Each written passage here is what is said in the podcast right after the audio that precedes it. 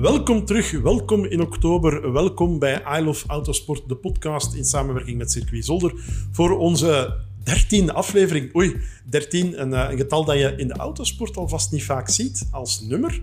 Uh, het nummer wordt wel eens weggehouden, maar wij gaan vol doorheen onze aflevering 13. We hebben daarvoor heel interessante gasten. We blikken vooruit uiteraard op wat komt hier het American Festival op Circuit Zolder, maar er is nog veel meer, daarom zou ik zeggen aanzetten, luid zetten en blijven luisteren.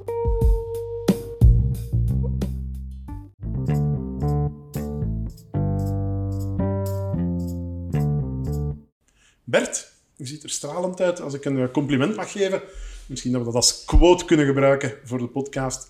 Um, jij bent hier vlak voor het American Festival op Circuit Zolder. Dat is de afsluiter van de internationale kalender hier op Circuit Zolder. Er is nog een race promotion night, maar dat is een nationaal gebeuren.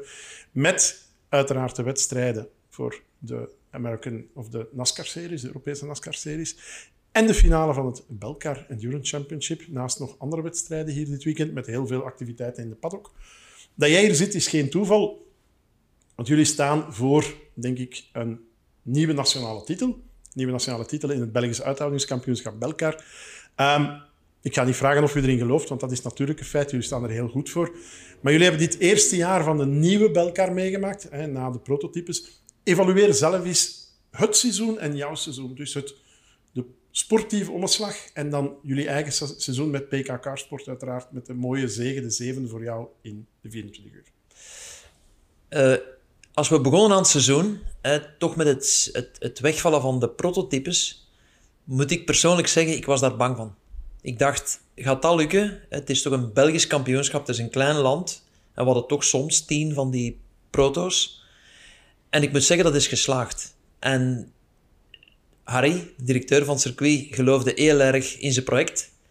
En ik was daar niet zo van overtuigd. Maar kijk, je ziet dat je altijd kunt leren. En uiteindelijk, de eerste wedstrijd stonden we ongeveer met 30 auto's aan de start. We hebben ook al wel eens met 20 gestaan. Ik verwacht dit weekend, want ik heb toch ook een paar interessante nieuwe deelnemers uh, vernomen die er gaan komen.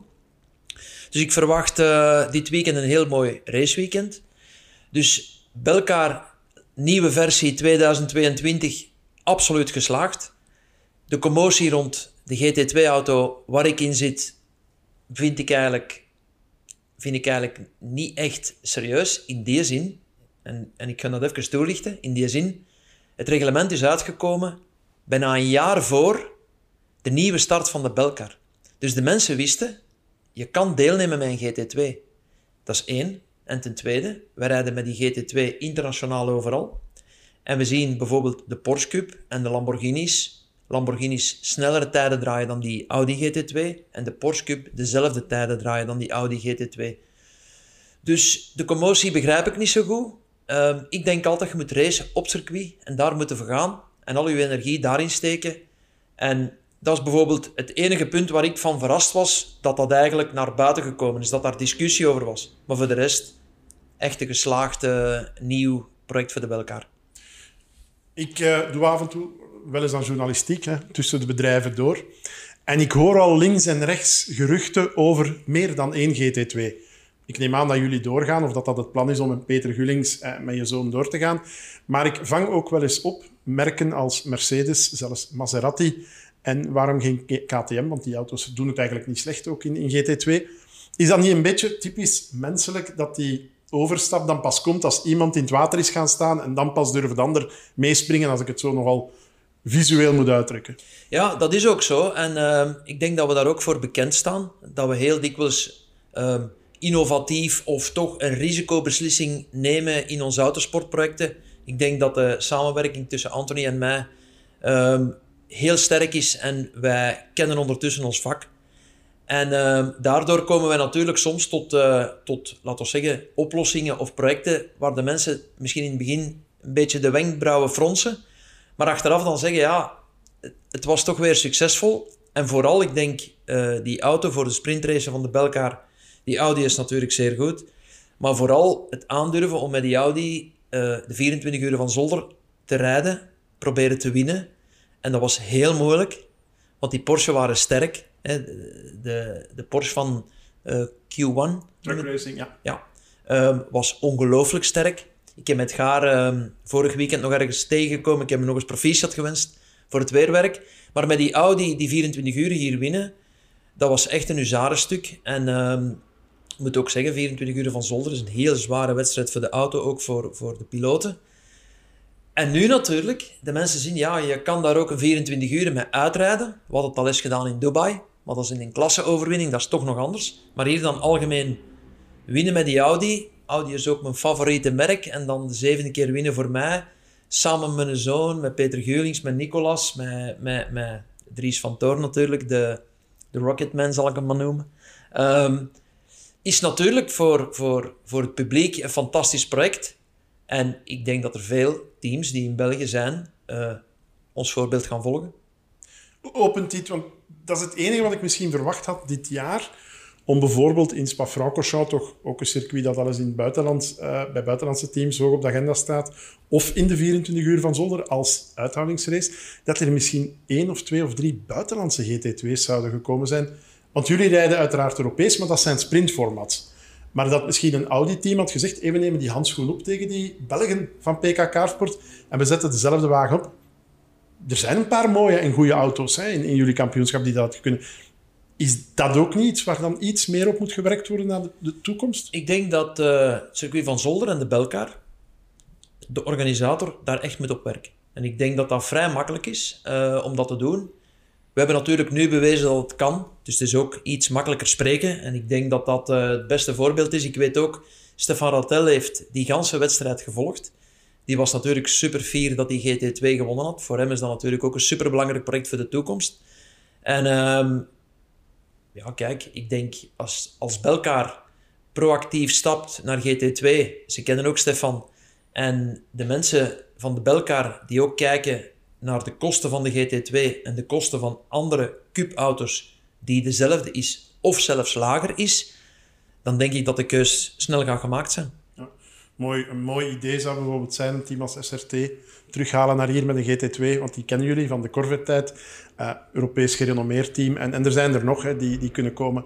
Um, Uiteraard gaat iedereen ervan uit dat jullie kampioen worden dit jaar. Ik denk ook dat dat zowat de beslissing is geweest met, met Zolder te winnen, met uithoudingswedstrijd te winnen. Maar er is hier nog meer aan de hand dit weekend. Jullie gaan heel vermoedelijk die titel vieren. Maar er komt iemand van jullie team ook terug in competitie. Niet in het Belkar gebeuren, wel als teammanager vermoed ik, maar actief achter het stuur. Anthony Kumpen is een aantal jaren om bepaalde redenen afwezig gebleven. Komt nu terug, Europese NASCAR rijden. En droomt, heb ik gelezen, ook al van volgend jaar om terug te vechten. Hij is tweevoudig kampioen trouwens, tweevoudig als ik me niet vergis. Um, wat betekent dat? Brengt dat veel teweeg in het team?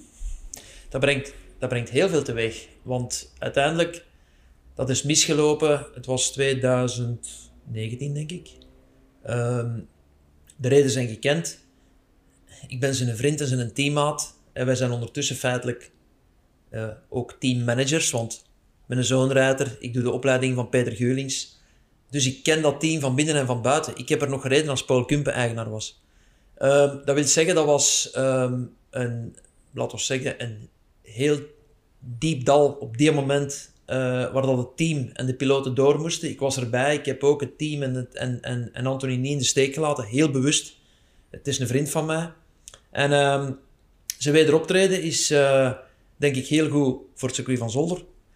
Dat is natuurlijk, de Europese NASCAR is super blij, want dat is een tweevoudig kampioen die terugkomt in competitie. Hij wil volgend jaar een gans uh, seizoen rijden. En Anthony Kennende heeft zich daar natuurlijk ongelooflijk op voorbereid. Um, dus ik verwacht echt vuurwerk. Ik denk dat we dat al gaan zien in de eerste vrije trainingen. Ik weet wat hij ervoor gedaan heeft. Ik heb hem er juist nog aan de lijn gehad als ik naar hier kwam. En uh, ja, hij is enorm gemotiveerd, heel positief. Heeft ook heel veel um, op sociale media gewerkt om mensen naar hier te krijgen. Dat is altijd goed voor het circuit van Zolder. En uh, ja, eigenlijk is onze, onze droom dat hij een van die twee wedstrijden wint. Dat wij Belkar kampioen worden, dat zou het perfecte scenario zijn. Maar we moeten toch altijd met de voeten op de grond blijven. Je kan uitvallen met de Audi, je kan uitvallen met de NASCAR. Het kan een aanrijding zijn tussen snel of trage auto's. Dus we komen eigenlijk terug met dezelfde approach naar Zolder dan voor de 24 uur.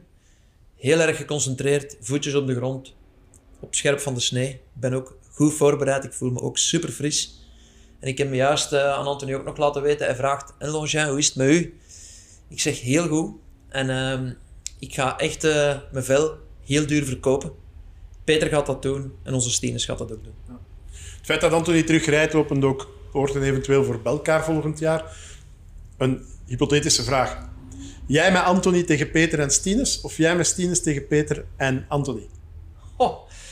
Um, dan is het eigenlijk, ja, ik kan natuurlijk Peter niet verlaten. Peter is bij mij begonnen en Peter heeft echt 100% vertrouwen in al wat ik doe. Peter is ook iemand die toch mee helpt om Stines die Europese koersen te kunnen laten rijden. Dus ik ben die man natuurlijk super dankbaar. Dat is ook een ongelooflijke goede leerling. Een toffe vent om mee te werken. Dus um, dan, dan gaan we het nog anders doen. Dan laten we die twee um, heel snelle mannen rijden tegen um, twee sluwe gasten. Laten we dat zo zeggen. Dus Stines met Anthony tegen jou en Peter. Zeker. Ja, prachtig. Dat spreken we af. Komen we nog even terug naar de actualiteit, maar we gaan een week verder. jullie gaan met het team en dan staat je zoon, denk ik, iets beter geclasseerd dan jij. Naar de finale van de Europese GT2. Uh, wat zijn daar de ambities? Um, wij moeten realistisch zijn met de nummer 81, met Peter. Wij staan derde, um, want er zit een schrapresultaat. We staan nu eigenlijk, als je de, de ranking ziet, vierde. Maar als het schrapresultaat toegepast wordt, staan we derde. En ja, mathematisch zouden wij nog kunnen kampioen worden, maar dan moet er zoveel gebeuren. Dus wij gaan alles doen om Stines en Nicolas uh, die titel te bezorgen. En we gaan natuurlijk ook zorgen dat Peka die titel heeft. Want het is, eh, wat veel mensen niet weten, autosport is een teamsport. En zonder zo'n team, met zoveel ervaring, ja, dan ben er niks. Ik heb, ik heb uh, zoveel jaren nu zit ik in, die, in dat racen. En dan besef je eigenlijk hoe belangrijk dat is om in een team te kunnen werken die maar met één ding in hun hoofd zitten, dat is met winnen. En dat gaat over heel kleine details. En dat gaat dikwijls niet zozeer over de uitstraling. Want daar wordt toch veel energie in gestoken. Maar het gaat vooral ook het hart van, van zo'n raceteam. Dat moeten winnaars zijn. Dat wil zeggen, de man die de banden doet. Als, als we niet winnen, moet je eigenlijk zijn hart, moet je zijn hart bloeden. En als we wel winnen, dan moet je super blij zijn. En dat geldt eigenlijk voor de kok, voor de masseur, voor iedereen dat daarbij is. En ik kan u zeggen, bij PK is het, die selectie wordt daar altijd gemaakt. En als je daar bijvoorbeeld zelf niet goed genoeg performt, dan krijg je daar het tekstel onmiddellijk op je neus. Als je bijvoorbeeld ziet, ja, je er niet fris uit. Stel dat je naar een wedstrijd komt en je moest toch niet op tijd in het bed en je moest toch een glas gedronken hebben en ze moesten het toch weten, dan gaat het zeer snel weten. Die zeggen, wij doen niet al die moeite voor jullie auto zo goed te maken. En in pitstops, je kent de mannen van PK, het is, het is eigenlijk de, de Red Bull van de Belkaar, we mogen dat zeggen. Die zeggen, wij doen die moeite niet als jullie daar niet voor leven. En ik vind dat heel nobel. En ik vind dat ook heel mooi aan de sport. En daarom voel ik me ook zo thuis daar. Ja. Ik ga een afsluiter maken. Ik weet dat je enorm trots bent op die zeven zegens hier in Zolder. Maar ik heb iets anders gevonden waar je toch ook best trots op kan zijn. Je bent een van de weinige mensen, zo niet de enige, die voor in de voorbije jaren en voor WRT, en voor PKK Sport, en voor SRT, en voor Mark VDS heeft gereden. Dus alle grote topteams. Ik weet niet of je ooit bij ProSpeed bent ingestopt, ingestapt. Dat zal misschien het enige zijn dat dan ontbreekt. Um, wat doet dat eigenlijk, al die ervaring op, op één, of in één valies? Ja, dat doet natuurlijk heel veel, waardoor dat ik heel makkelijk de rust kan bewaren. En ik moet zeggen, ik heb nu veel meer plezier van mijn autosport dan vroeger. Omdat ik natuurlijk, um, ik weet dat ik moet voorbereiden. Ik word ondertussen heel oud in die sport, maar ik ben wel topfit. En ik heb daardoor een soort rust gekregen, waardoor dat ik heel perfect weet hoe moet ik na die 24 uur van zolder leven. En ik kan u zeggen, ik voelde me daar 10 jaar jonger dan, ik, dan dat ik was. En nu, bijvoorbeeld na deze finale, is dat juist hetzelfde. En door al die ervaring van die grote teams, heb ik ook wel, dat ondervind ik ook, dat is ook maar pas de laatste jaren eigenlijk gekomen, van 18, 19 eigenlijk, um, heb ik heel veel erkenning in die wereld. Ik mag komen waar ik wil. Ten eerste, de mensen kennen me vanuit autosport, maar ik heb geen negatieve opmerking, geen negatieve ervaring. En de mensen zijn eigenlijk, hoe zal ik zeggen, respectvol. Ik hoor dan, dan namen als, als dat is overdreven natuurlijk, hè. Een, legende. Dat vind ik allemaal wel een beetje overdreven, maar het wil toch zeggen dat, dat, dat je uiteindelijk door 27 of 26 jaar je job te goed te doen, dat de mensen dat gezien hebben. En ja, dat is fijn natuurlijk, hè, want uiteindelijk, allee, je, je kunt daar staan voor je mooie beker en voor te winnen, want we zijn pure winnaars. Maar erkenning is in die sport ook belangrijk. En door eigenlijk mijn ganse leven dezelfde discipline te doen, dat wil zeggen op circuit racen, met GT's, in binnen, in het buitenland, over de ganse wereld, krijg je natuurlijk een soort palmares en een soort erkenning. En ja, als sportman, dat, doet- dat doet het ook wel voor natuurlijk. Oké, bedankt. Ik denk dat we kunnen afspreken dit weekend hier op Circuit Zolder voor een fantastisch weekend. Ik denk dat we zelfs mooi weer voorspeld hebben. Eh, mooi. eh, L'été indien, de Indian Summer hier op Circuit Zolder. Dat past dan goed bij de komst van de NASCAR. En heel veel succes voor jullie en jullie team. Bedankt. Dank u. Lars, hallo. Hi, goedendag. Ja, wij zien elkaar heel vaak op circuit. Eh, ik ga jullie wat kaderen wie Lars is, maar daarna mag hij dat zelf uitleggen. Lars heeft heel veel eh, werk met Porsche in de Benelux en duikt af en toe ook op in de perszaal voor een concurrerend Duits merk in Europese, in Europese competities. Niet als rijder, want Lars rijdt niet, of toch niet eh, op dat niveau. Eh, maar Lars is heel veel bezig met organisatie, marketing, communicatie en zo verder. De rest van ons verhaal laat ik jezelf doen. Lars, wie ben jij? Ja, hoi, ik ben Lars. Eh, ik kom oorspronkelijk uit Duitsland, dus dat ga je wel horen. Ehm, ja, ik ben eigenlijk een beetje per ongeluk in de autosport eh, beland. Ehm, ja, ik ben begonnen bij Porsche, bij de factory eigenlijk als intern. En dan vanuit daar doorgerold naar de organisatie hier in de Benelux. Eh, ja, en daar ben ik begonnen met de Carrera Cup. eh, destijds ook de GT3 Cup Challenge zelfs. En daar ben ik nu verantwoordelijk voor de organisatie bij de eh Carrera Cup. En daarnaast als seriemanager bij ons nieuw kampioenschap, eh, de Sprint Challenge Benelux, die we nu het eerste jaar gedraaid hebben in een nieuw concept. Ja. En dat werkt eigenlijk wel goed. Ja. Om het even te kaderen, jullie hebben een, een bedrijf. Is het bedrijf waar onder meer Rudy Penders van het vroegere raceteam ProSpeed ook mee in zit. Jullie zijn verantwoordelijk voor de organisatie van de Porsche Carrera Cup Benelux. Dus de snelste merkencup van de Benelux. zeggen. In die piramide hebben jullie ook, om mensen te laten instropen, de Porsche Sprint Challenge Benelux. Ook een sprintkampioenschap, dat zegt het uiteraard. Met diverse types van Porsche, waar dat de Carrera Cup alleen de 992 GT3 Cup type 9, ah nee, de 911 en dan type 992 is. En jullie hebben op dit moment ook nog een endurance kampioenschap voor de Porsche die in Belka rijden. Hè, Daar is ook een apart kampioenschap, de Porsche Endurance Trophy Benelux voor. Ehm, dat is heel veel werk, maar jullie hebben wel heel veel succes. Want we gaan het niet zozeer hebben over de Carrera Cup Benelux, die dit weekend zijn finale heeft in Hockenheim, maar wel over die Sprint Challenge, die hier in Zolder is geweest op 21 juli. De slechtste dag, denk ik, van heel het jaar qua, qua, weer. Het was echt uh, drash nationaal, zeggen wij in België. Dus met, uh, dingen. maar de laatste wedstrijd in september in Assen jullie met meer dan 20 wagens al. Er is vraag naar in de Benelux, naar zo'n basiskampioenschap voor Porsche. Ja, we hebben het concept gewoon aangepast, omdat we zien, we focussen ons hier echt op de gentleman drivers, die gewoon echt druk zijn met hun zaken. En het weekend vrij willen houden voor de familie en niet het hele weekend willen weg zijn. Uh, voor redelijk weinig tracktime toon toch wel. Als je kijkt dat je met de Carrera Cup drie dagen oh, ja, gewoon weg bent.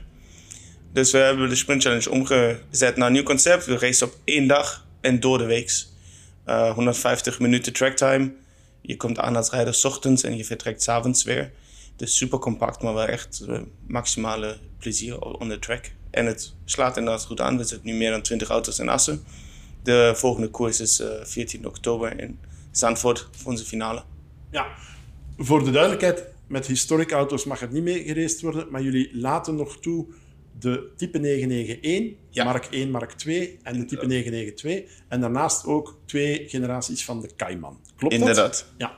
En dat zit dan in verschillende divisies. Zie je dan een verschil? Want ik heb al eens gezien, er zitten wat oudere mensen in, mensen van mijn leeftijd ga ik maar zeggen, maar ook jong talent. Ja, inderdaad. We focussen ons eigenlijk op de, de oudere generatie, de gentleman drivers. Maar we hebben inderdaad ook een aantal jonge kerels in de GT4 zitten en ook bij de, de cups die nieuw zijn en de auto willen testen ter voorbereiding om daarna de volgende stap te maken richting de Carrera Cup. Uh, dus we hebben een aantal rijders die dit jaar bij ons rijden in de GT4, maar in de 992 in de sprint. En dan volgend jaar door, zullen gaan doorstromen uh, naar de Carrera. Zoals je nu ook al ziet, en uh, Sascha Norden bijvoorbeeld, die een guest start gaat doen in de Carrera bij de finale in Hockenheim ter voorbereiding. Van 2023. Hij is niet de enige, want er zitten ook twee, de twee broers uh, Morris zitten er ook in, uh, die ook van bij jullie komen. Dus dat werkt wel, hè? Die, die, die piramide, om mensen te laten doorstromen en mensen te begeleiden. Eventueel zelfs van een Kaiman, dan naar een 991 of 992 en dan naar de Carrera Cup. En eigenlijk moet je nog een laagje ondertekenen, want eigenlijk begin je met de trackdays die eronder zitten. En juist bij de Sprint Challenge hebben we dus die events waar, waar, we de combinatie doen met de Porsche Experience, Track Experience. Waar je dus heel mooi die transitie kunt maken van rijders die met een GT3 rijden uh, op een trackday en dan het racen willen zien op deze dagen en dan eventueel gaan doorstromen richting uh, de motorsportkant, let's say. Dus ja, de piramide van Porsche is uh, best bekend en het werkt heel goed. Het werkt niet alleen in Benelux, het werkt wereldwijd. Um, en op die manier proberen we de Benelux-pyramide ook in te tekenen. Ja, en de teams zijn er ook wel op ingesteld, want meerdere teams zitten in meerdere van jullie drie competities. Q1 Track Racing, GP Elite, Speed Lover, en, en ga zo maar door, ik kan blijven opnoemen. Ja. Uh, de een zit dan in Endurance en Carrera Cup, de ander zit in Carrera Cup en in Sprint. Um, ze werken in die context, een context die trouwens, dat valt mij altijd op, ProSpeed is altijd goed aanwezig om technisch bijstand te, te verlenen, er is ook altijd een fantastische hospitality voor een koffie, een thee, om iets te eten en zo verder. Die stempel van Porsche, dat niveau uh, van Porsche, wordt ook heel goed doorgetrokken in jullie competities. Dat is inderdaad de insteek. Het blijft Porsche-merk en daar willen we gewoon fatsoenlijk aan meewerken om dat op een goede manier op de kaart te zetten. En de service te bieden, zowel naar de teams als ook naar de rijders. Dus ook naar die teams, naar die rijders, die, die begeleiding. We hebben daar juist gezegd, er zijn mensen die heel het jaar bij jou hebben gereden in de Sprint Challenge, die nu de finale van de Carrera Cup Benelux gaan rijden. Um, waar wil jij volgend jaar met die Sprint Challenge? Want je blijft denk ik wel aan boord. Waar wil je daarmee naartoe? Wat is jouw ja, doel qua aantal rijders? Is dat dan, ga je dat beperken vrijwillig om de mensen die kwaliteit te laten behouden? Beperken niet naar 15, maar naar bijvoorbeeld 25 of, of 30 of zoiets? Ja, ik weet niet of we die stap al zitten bij de Sprint Challenge. Uh, Benelux nu, maar we gaan het concept in ieder geval bijhouden. We zien dat het goed werkt, uh, dat er interesse naar is. Uh, we gaan volgend jaar de klasses nog een beetje kleinere klasses nog maken, zodat ook de, de gentleman drivers nog meer kansen hebben om op een podium te gaan. Dus dat is wel het doel. Uh, en we willen qua aantal rijders gewoon net een klein stapje extra zetten. En uh, altijd tussen de 20 en 25 auto's op de baan. Dat is wel het doel voor volgend jaar. Ja. En ik denk dat het ook wel kansen heeft om te slagen. We zien dat het nu al werkt. We hebben heel veel gueststarters gehad dit jaar die het gewoon een keer wilden testen. En heel veel positieve feedback teruggekregen. Dus ik hoop dat een aantal van die guestdrivers van dit jaar volgend jaar naar een full season gaan. Eén kleine kritische vraag. Waar de Carrera Cup Benelux een mooi evenwicht heeft tussen de nationaliteiten. Ja. ja. Er is natuurlijk een Engelsman die er een beetje de king uithangt. Hè. Laten we een klein grapje kunnen maken. Maar in de Sprint Challenge zit je met een overgroot deel aan Nederlanders. Inderdaad. In jullie Endurance Trophy is het dan weer zeer Belgisch gericht. Hè. Inderdaad. Kan je dat, denk je dat je dat kan beïnvloeden? Of zeg je, ja, dat is de natuurlijke flow en ik kan er weinig aan doen? Nou, ik denk dat je in België gewoon een hele grote, um, grote kampioenschap hebt met de Belka, waar de focus echt op, op de endurance ligt. Um, dus ik denk dat van daarna van de historie meer endurance racing is, maar we zien ook veel meer rijders die gewoon willen. Uh, ja, dus inderdaad, dus een hele grote focus op de endurance ligt, maar ik denk dat dat wel de transitie ook gaat maken richting de sprint. Ja. En dat we daar meer rijders zien die dat concept heel erg aantrekkelijk vinden, ook vanuit de Belgische kant. Ja, België heeft altijd een beetje een traditie gehad van endurance races. Dat is zo. Je zag dat vroeger ook. Uh, of je nu over een Clio Cup sprak vroeger. Nederlanders hebben altijd meer dat sprint in zich gehad en België zijn wat, wat lange afstandsrijders. Um, maar je hebt ook nog een hele kleine verrassing. Een hele kleine eerste aankondiging. Veel kan je er nog niet over zeggen, denk ik. Maar jullie gaan er wel voor zorgen dat de mensen die met een Porsche rijden ook een klein beetje hun zomerkleur houden. Inderdaad. Ja, we, zien, je hebt heel veel mogelijkheden om te gaan racen in de zomer. Uh, maar in de winter is het nog een klein beetje een, kleine gat. En heel veel mensen willen toch wel door blijven trainen, door blijven testen. De teams willen door blijven runnen met hun business.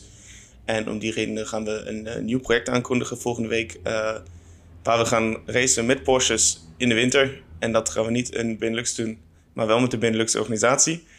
Um, ja, dus dat gaan we maandag aankondigen en dan hoor je daar meer over. Ja, dat gaat niet in Scandinavië zijn, neem ik aan. Niet in de Benelux, ook niet in Duitsland. Ook niet in Duitsland, we gaan niet terug, we gaan uh, naar de zon. Jullie gaan naar de zon. Dus dan ga je eigenlijk de mensen, en dat is eigenlijk een heel mooi idee ook voor de teams, want teams zitten anders met een gat. Letterlijk een omzetgat, een, een financieel gat tussen oktober, november en laten we zeggen de testen maart, april.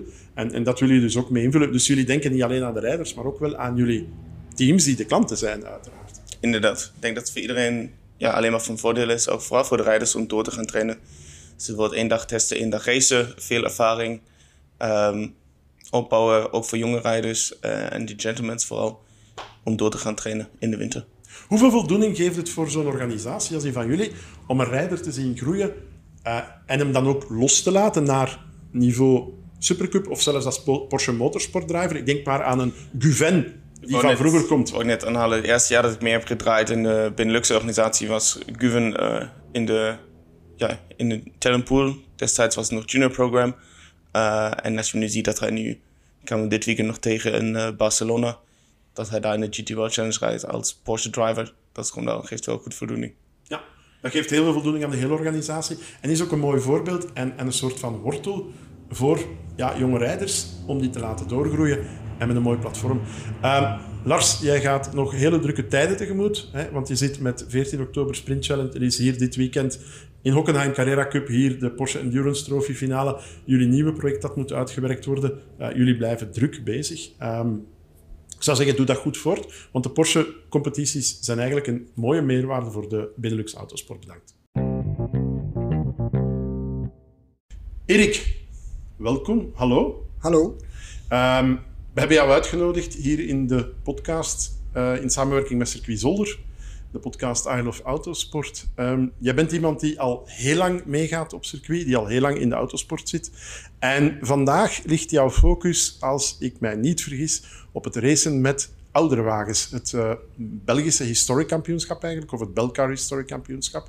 Jullie hebben niet zo lang geleden in Spa gereden, in helse weersomstandigheden, uh, herinner ik mij, want het was daar vrij nat. Uh, typisch Ardennenweer.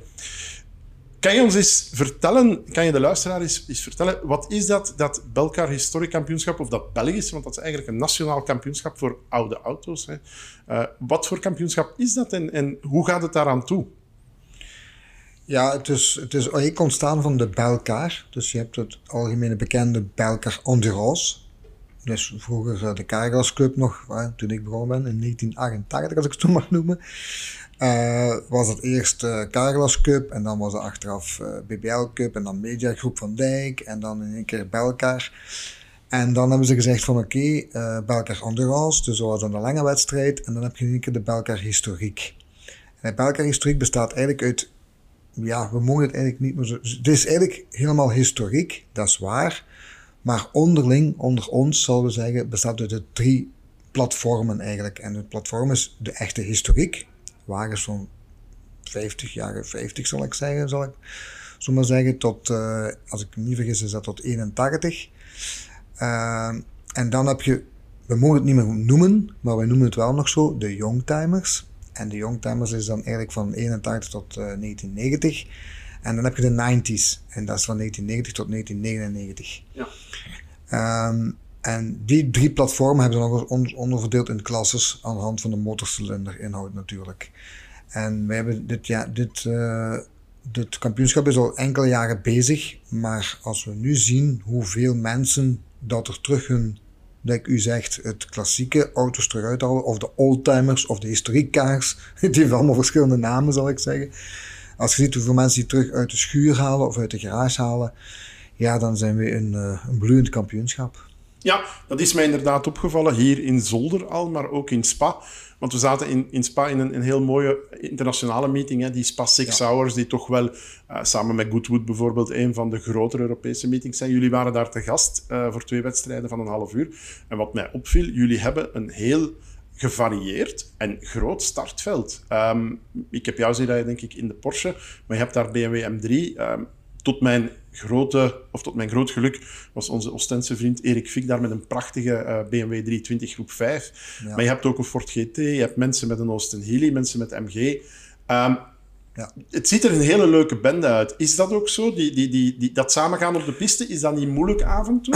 Want jij rijdt met de, een van de snellere wagens, hè? Ja, ik, rij, uh, ik heb vorig jaar altijd met een Peugeot 205 gereden. Uh, dus iedereen bekend. Iedereen kent een Peugeot 205. Als je noemt een Peugeot 309, zegt iedereen wat is dit? En als je zegt een Peugeot 205, dan is iedereen bekend. Uh, maar dit jaar ga ik met een Porsche 964. En dat is inderdaad in de grootste klasse. Uh, maar zoals gezegd, je hebt, uh, je hebt alle merken. Hè. Je hebt ook nog Ford Capri. Uh, ja, dat is ook een hele mooie auto van, van vroeger, zal ik zeggen. Ehm, het, het gaat er heel familiair aan toe. Dus wij gaan een koffietje drinken of wij gaan een pintje drinken na de race en voor de race. En tijdens de race is het wel strijdvaardig. En dat is het fijne er juist aan. Dus we zijn grote collega's onder elkaar. Maar uh, op circuit gaat het er uh, heel ver aan toe. Maar wel zo van, oké, okay, uh, we gaan hier strijden. Hè? je zit wel met een vriend, maar we gaan wel strijden. Maar het, gaat met, het is met respect, echt. Hè? Dan merk respect, je wel, ja. um, het aantal incidenten is zeer beperkt. Ja. Ik kan me niet meteen echt ernstige zaken herinneren. Nee. Uh, jullie gaan echt met respect voor elkaar en voor het materiaal om in, die, in, in dat kampioenschap. Ja, dat klopt ook, omdat, uh, kijk, die historische wagens, die hebben al een waarde, sowieso. Uh, maar als je iets, het is niet de bedoeling voor die historische wagens een stuk te rijden. Helemaal niet. Ook als je dan toch eens zo'n stuk rijden, ja, dan is het heel moeilijk voor nog aan onderdelen te geraken. Dus daarmee, we strijden wel, maar wel met heel veel respect. Ja, dat klopt. Ja. En zeker ook in, in Spa. Ik heb net gezegd, dat waren moeilijke omstandigheden. Het, het regende behoorlijk op zijn Ardennes, ja. zoals we dat in het zuiden van het land gewoon zijn. Ja. Uh, en toch wordt er heel ver gereden door de verschillende klassen. Hoe, hoe is dat samengaan met, met echt... Er zijn wel wat tragere auto's ook. Ik denk dat er een Triumph in zit, een Austin Healey. Um, gaat dat vlot?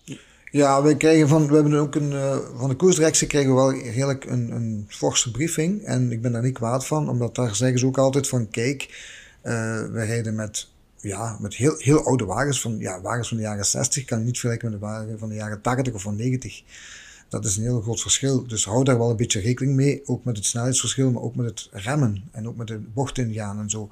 En dat doen wij wel. Dus, uh, en daar nogmaals terug te komen, daar zit het respect. Ja, om, om, om even technisch te gaan, als jij een, een oudere MG of een, een, Triumph ziet, die auto's hebben misschien nog een bladvering, die, die hebben nog trommelremmen uh, achteraan, waar dat jij met een Porsche 964, dat is eigenlijk al een racemonster van de jaren, eind jaren 80, begin jaren 90. Ja. Dat is inderdaad een heel verschil. En als je dan op een, ik ga maar zeggen, een chicane hier in Zolder afkomt, mm -hmm. of een, op een Lassours, ja, jij moet wel beseffen dat die man of vrouw in die oudere auto heel anders gaat reageren en heel anders gaat anticiperende bocht dan dat jij dat kan natuurlijk. Hè? Ja, en dat wordt ook, en dat wordt ook elke keer bij de briefing duidelijk gezegd door, onze koersdirecteur, die ook wel zegt van kijk jongens, strijden, ja, sowieso, maar denk eraan, de wagens zijn zoveel verschillend, uh, dat, het, ja, dat jij een bocht in gaat, dat een ander dat niet kan. Of wel kan, of, of zelfde wat, welke auto dat ook zit.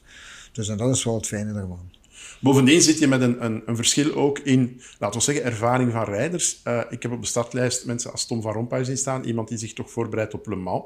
Ja. Uh, bijvoorbeeld een Fred Bouvy, ja, dat moeten we niet uitleggen. Die man heeft uh, drie miljard jaar ervaring in allerlei races, rally of, of piste op circuit en zo verder. Jij hebt zelf, je hebt de 24 uur van Zolder gewonnen, je hebt dit jaar zelf de 24 uur nog gereden. Ja.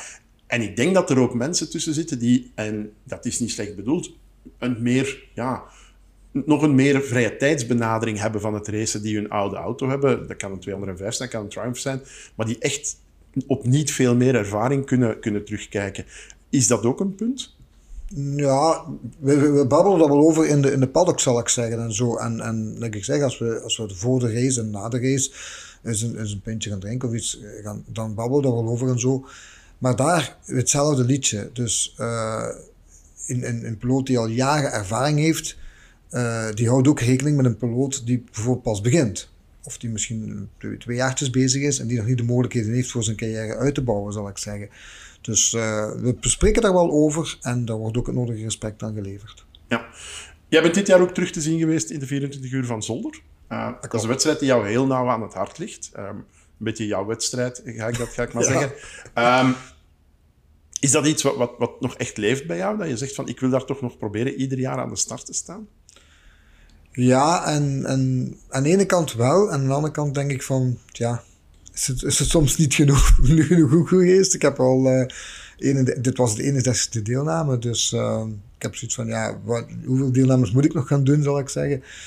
Um, maar het kriebelt veel te veel. Dus uh, als de, ja, moet zeggen, als, als de tijd, uh, als, als de kalender aankomt en dan de 20 uur van Zolder op de kalender prijkt, dan is ze van, ja, ja, die datum, dat is toch wel uh, heel belangrijk. En ja, ik, meestal zeg ik van ik doe het niet meer, ik doe het niet meer. Maar als dan de datum nadert, zal ik zeggen, dan kriebelt het weer fel en dan probeer ik toch weer mee te doen. Dus, uh.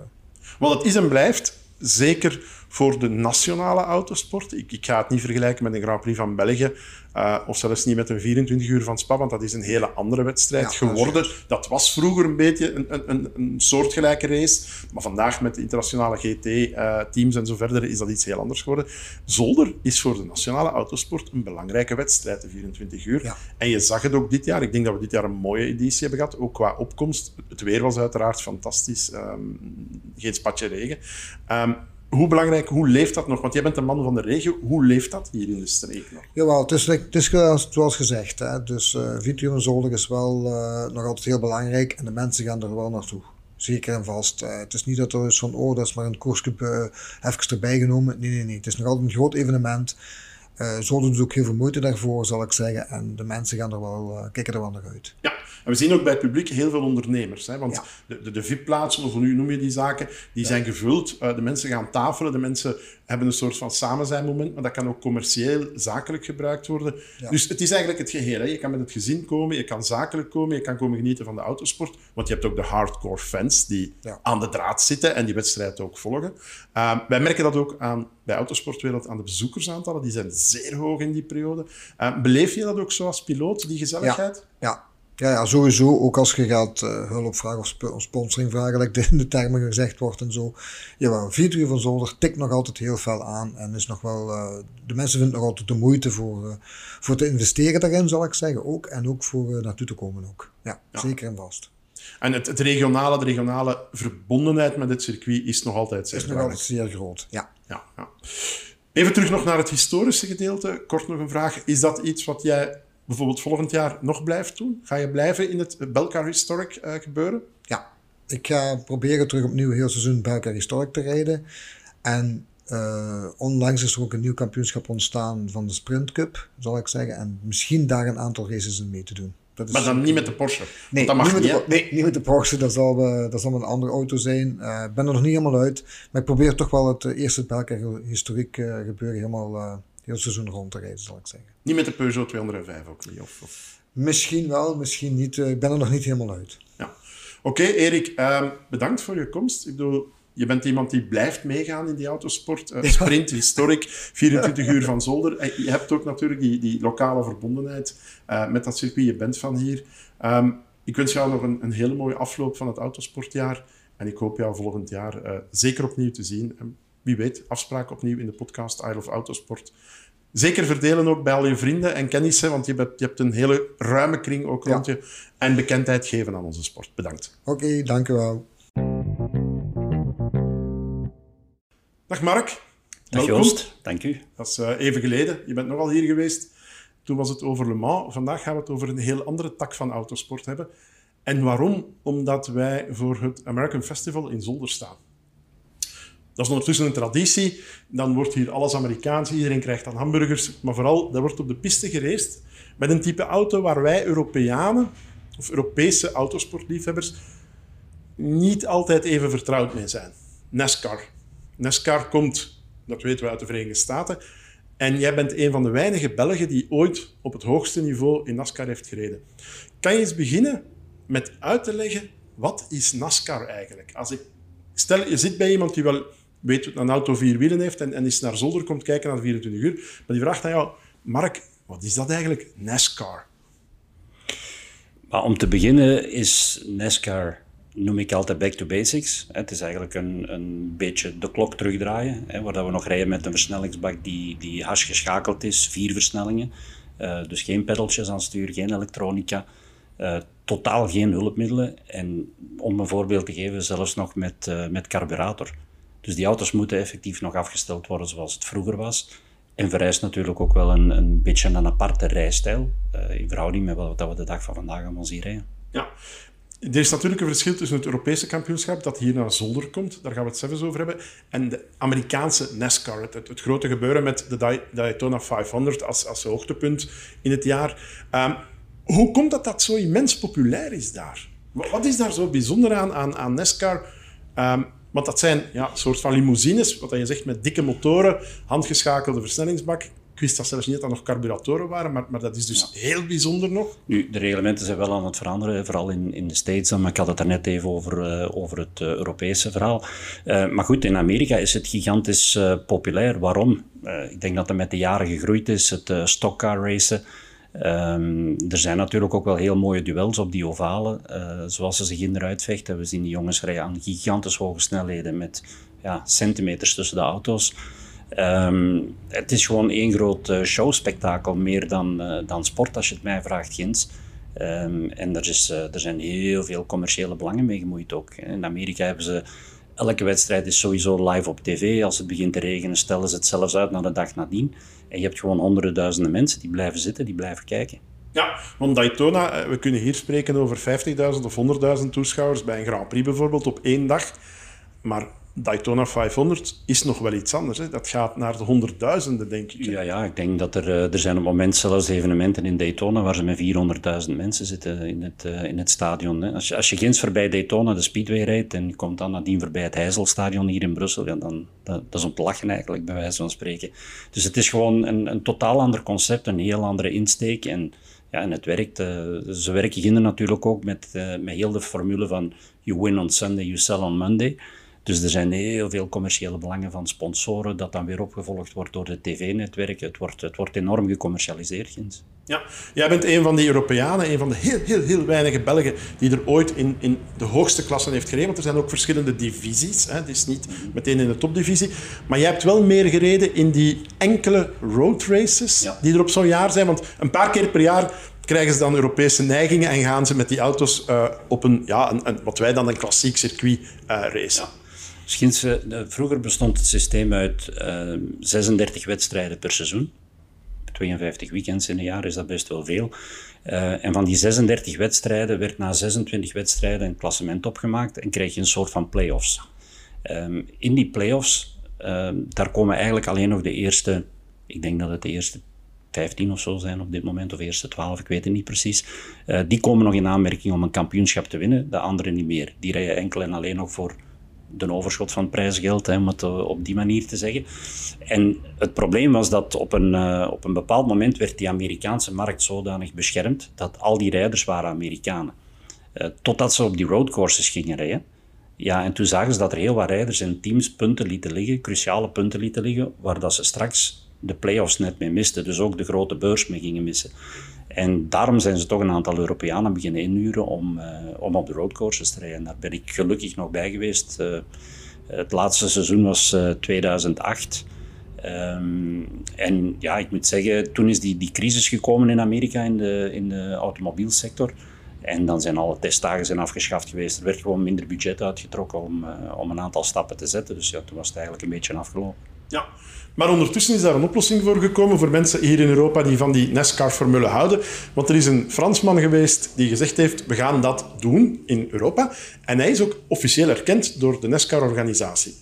Dit is een familiebedrijf nog altijd, van de familie Friends, eh, als ik mij niet vergis. ja.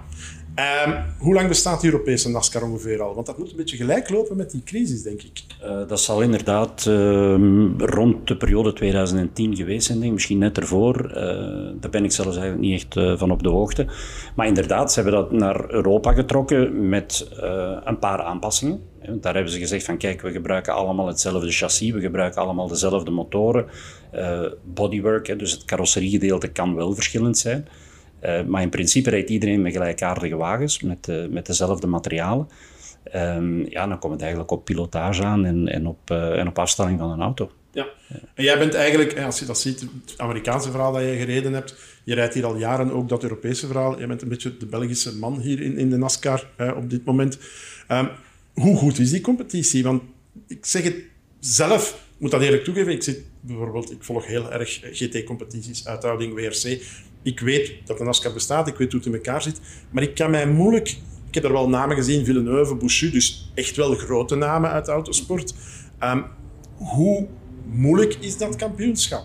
Hoe goed is bijvoorbeeld zo'n Day, die dan, dan verschillende keren kampioen is Ja, Ellen is, uh, Ellen is absoluut top. Hè. Ik bedoel, hij heeft, uh, heeft vroeger ook in formulewagens gereden, in GT3-auto's gereden. Maar goed, hij komt uit Israël, had op dat moment misschien niet de nodige steun om, om een grootse carrière uit te bouwen.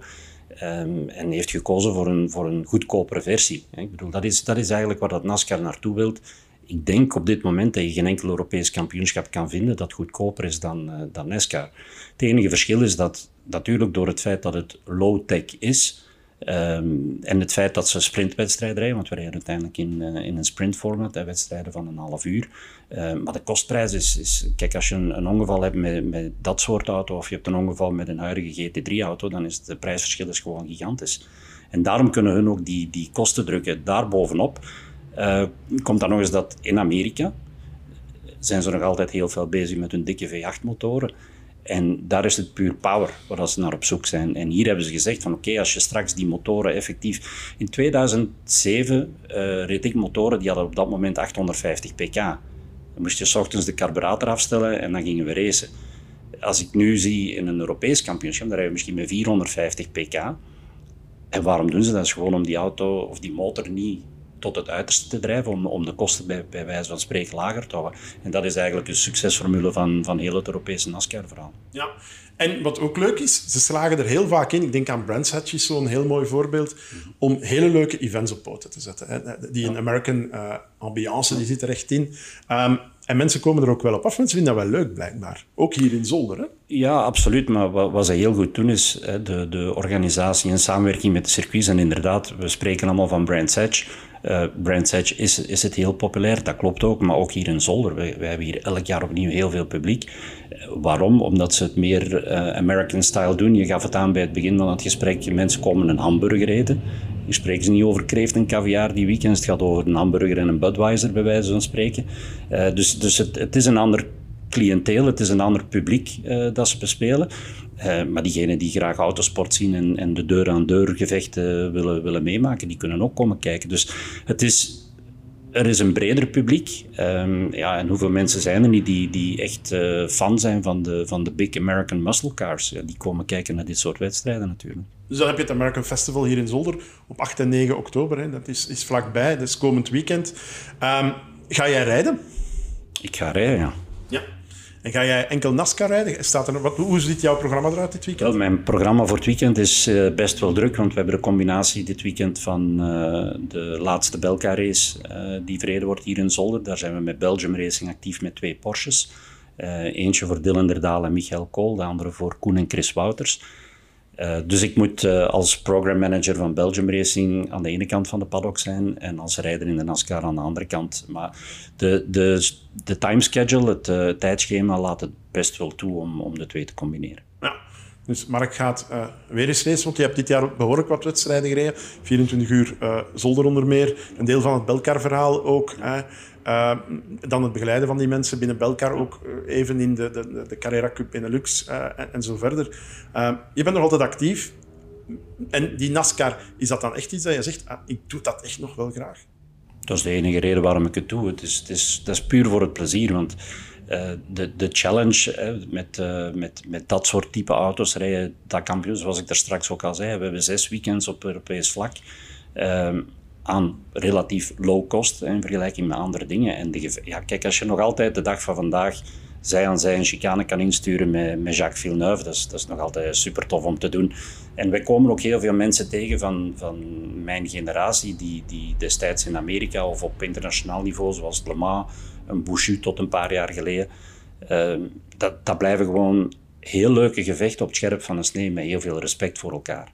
En, en dat vind je in andere klassen minder, vind ik. Maar dat heeft natuurlijk te maken met het kostenplaatje dat eraan vasthangt. Ja. Dus ik zou zeggen, 8 en 9 uh, oktober gewoon naar Circuit Zolder komen, naar hier komen. Uh, ik denk dat uh, het een mooi weekend ook nog gaat worden met hele mooie wedstrijden. Uh, midget, NASCAR, uh, NASCAR Divisie 2 ook, want er is een tweede divisie aan. Uh, er zitten wel wat Belgen in. En dan uiteraard ook de Belcar finale, Belcar Endurance Championship. En mooi weer. Bovenop. En mooi weer, dus heb ik gehoord. Zeker iedereen, op iedereen moet komen. Ja, oké. Okay. Mark, bedankt. En tot dit weekend. Dankjewel. Het is opnieuw voorbij gevlogen. De gasten zijn weg. De raven op Circuit Zolder die vliegen nog steeds rond. En ik ga u bij deze, uh, uw gastheer Joost Kusters van Autosportwereld, ik ga u bedanken voor de luisterbereidheid en ik geef ook afspraak over goed twee weken voor aflevering 14. Tot dan en geniet van de autosport.